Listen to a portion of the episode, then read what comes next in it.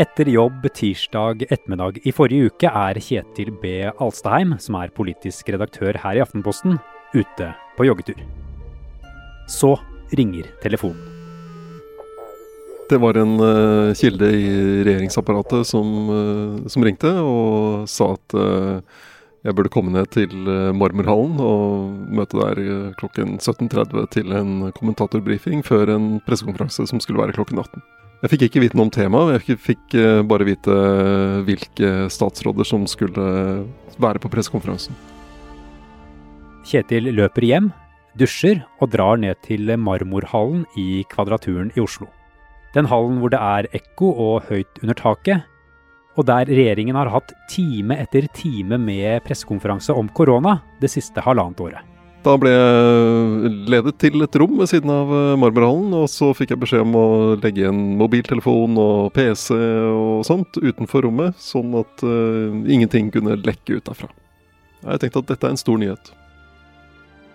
Du hører på Forklart fra Aftenposten, og jeg heter Andreas Bakke Foss. I dag er det mandag 6. september.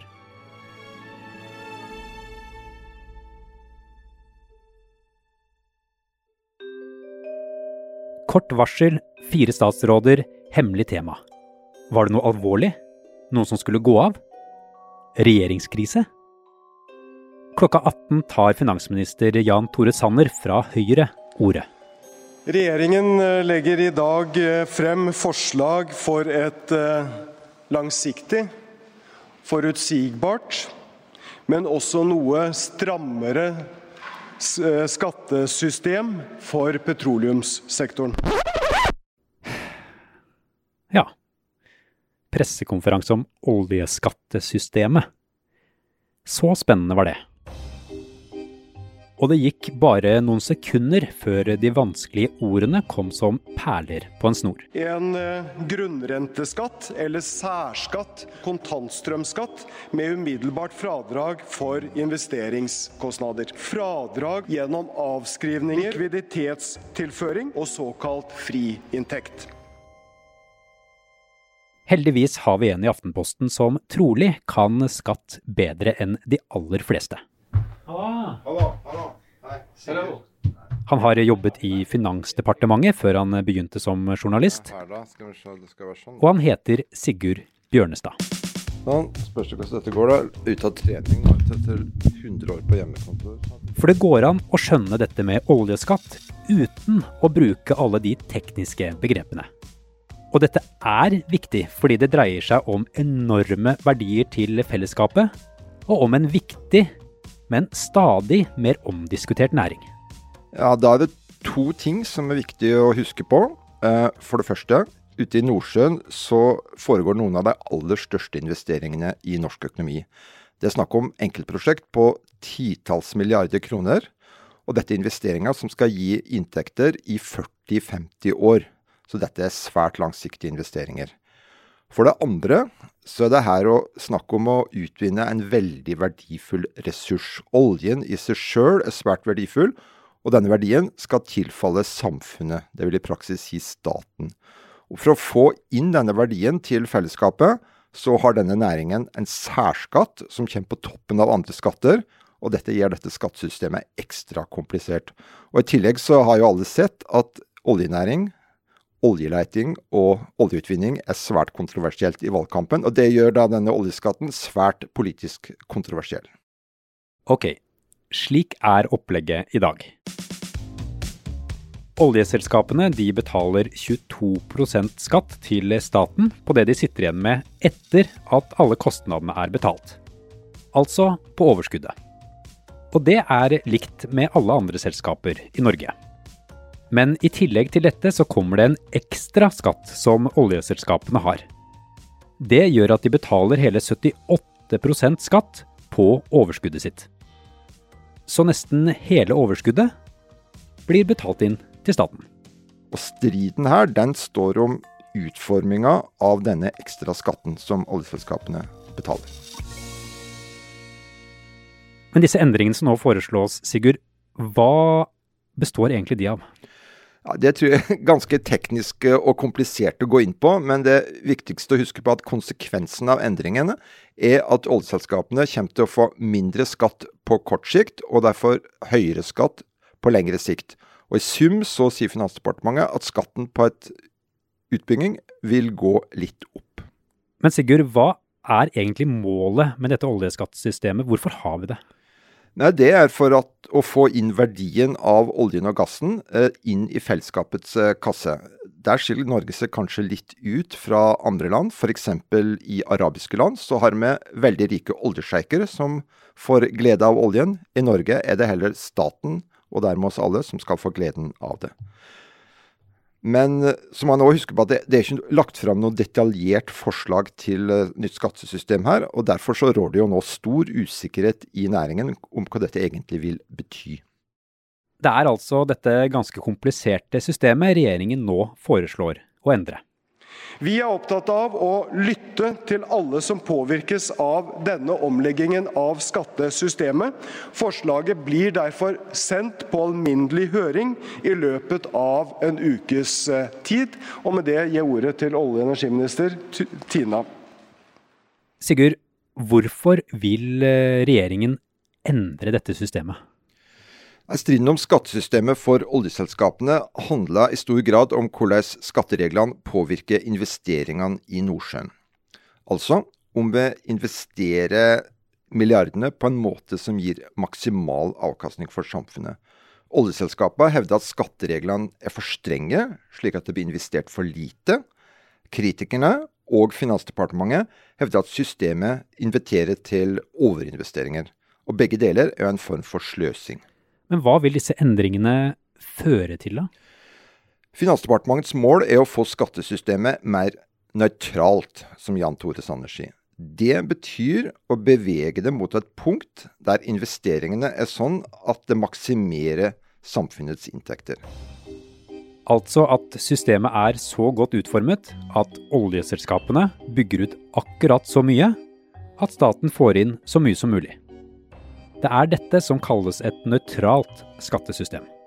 Finansdepartementet og en god del økonomer på den ene sida, og oljeselskapene på den andre sida, har i nesten alle år vært rykende uenige om hvordan dette skal skje, altså å få det et skattesystem som er såkalt nøytralt. Og Den striden den vil helt sikkert fortsette.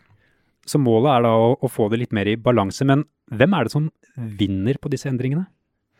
Nei, ifølge det materialet som er lagt fram, så vil jo selskapene få litt høyere skatt over tid eh, med disse, disse, reglene. Og så vinner samfunnet eh, på den måten at investeringene blir mer i retning av å bli passe store.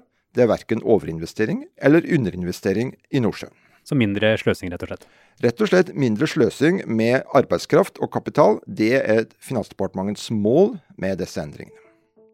Og med disse endringene så vil det bli litt mer risikabelt økonomisk for selskapene å lete etter ny olje.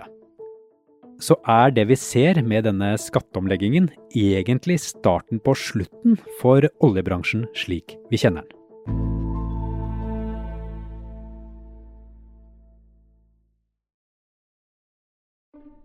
Tilbake til politisk redaktør Kjetil B. Alstaheim. Han var altså på joggetur og fikk en telefon.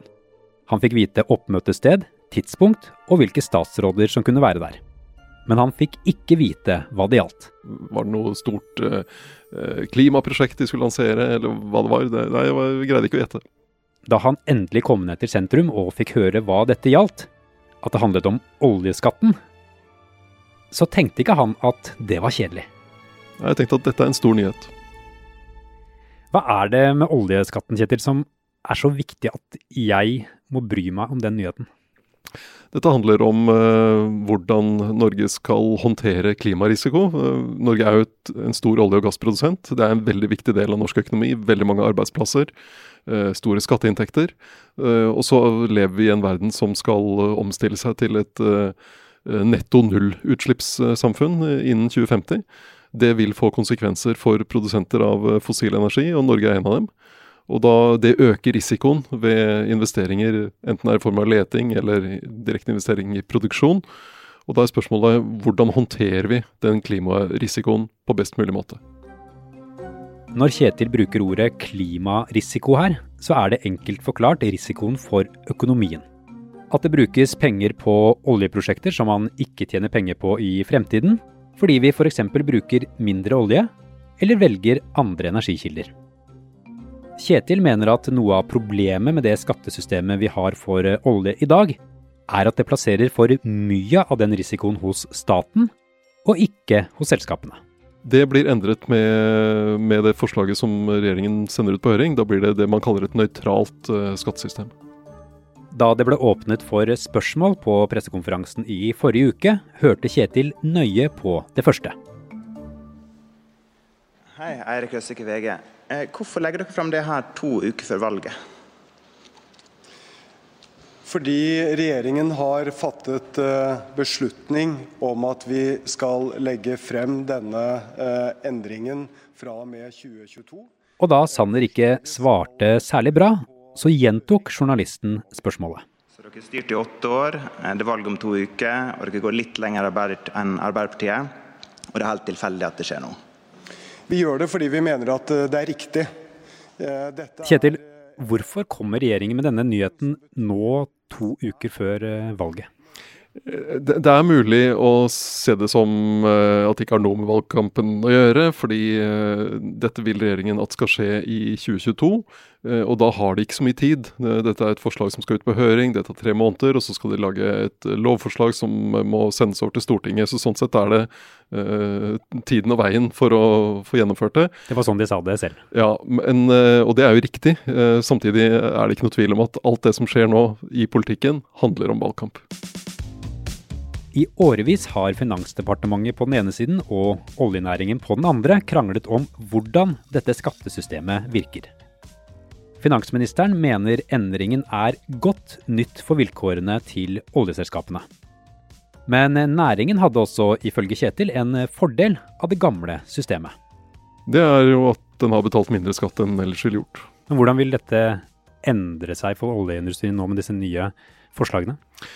Det som er fordelen for uh, oljeindustrien, er at den får uh, den kan jo trekke fra da, hele investeringen med en gang. Så de får jo da uh, frigjort likviditet, som man sier, altså frigjort penger. men så må de betale mer skatt litt senere. Og det, det har en verdi for selskapene å få, få frigjort de midlene. og Det kan bety f.eks. at de kan betale ut mer utbytte til eierne sine. Så hvis disse nye endringene blir vedtatt, Kjetil, er det da en fordel eller en ulempe for næringen sett opp mot dagens system? For eh, noen av de små selskapene som uh, har spesialisert seg på leting, og som kanskje ikke har tjent så mye penger, så vil dette være en ulempe. Uh, fordi det, såkalte, det som kalles leterefusjonsordningen forsvinner. For et stort selskap som Equinor vil det ha andre effekter, bl.a. til at de, får frigjort likviditet, som heter, eller kapital, i starten, og så må de betale litt mer skatt senere. Men det har en verdi for et selskap. De kan betale ut mer utbytte til eierne, f.eks. Det som regjeringen har lagt frem, er et forslag til endringer. Det er Stortinget som til syvende og sist skal vedta det. Jeg håper at dette forslaget vil danne grunnlag for en bred politisk enighet om et skattesystem for petroleumsnæringen som skal stå seg gjennom den neste fasen på sokkelen. Er det sånn at dette er starten på en eh, styrt avvikling av eh, oljenæringen? Nei, det er det ikke. Dette betyr at oljenæringen får eh, et skattesystem som er nøytralt, og det er det næringer, de fleste næringer i landet har. Så dette er, det er ikke sånn at man tråkker inn bremsen på norsk olje- og gassnæring. Men betyr det at den store debatten om olje og klima er løst, da?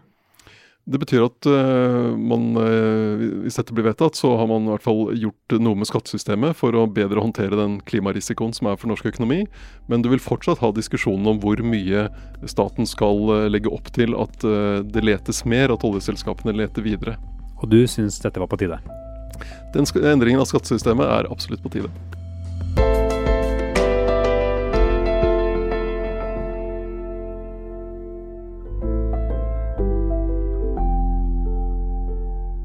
Denne episoden er laget av produsent David Vekoni og meg, Andreas Bakke Foss. I denne episoden har du hørt Aftenposten-journalist Sigurd Bjørnestad og politisk redaktør Kjetil B. Alstaheim. Resten av Forklart er Anne Lindholm, Marit Eriksdatter Gjelland, Fride Næss Nonstad og Guri Leil Skedsmo. I denne episoden har du hørt lyd fra VGTV og regjeringens nettside.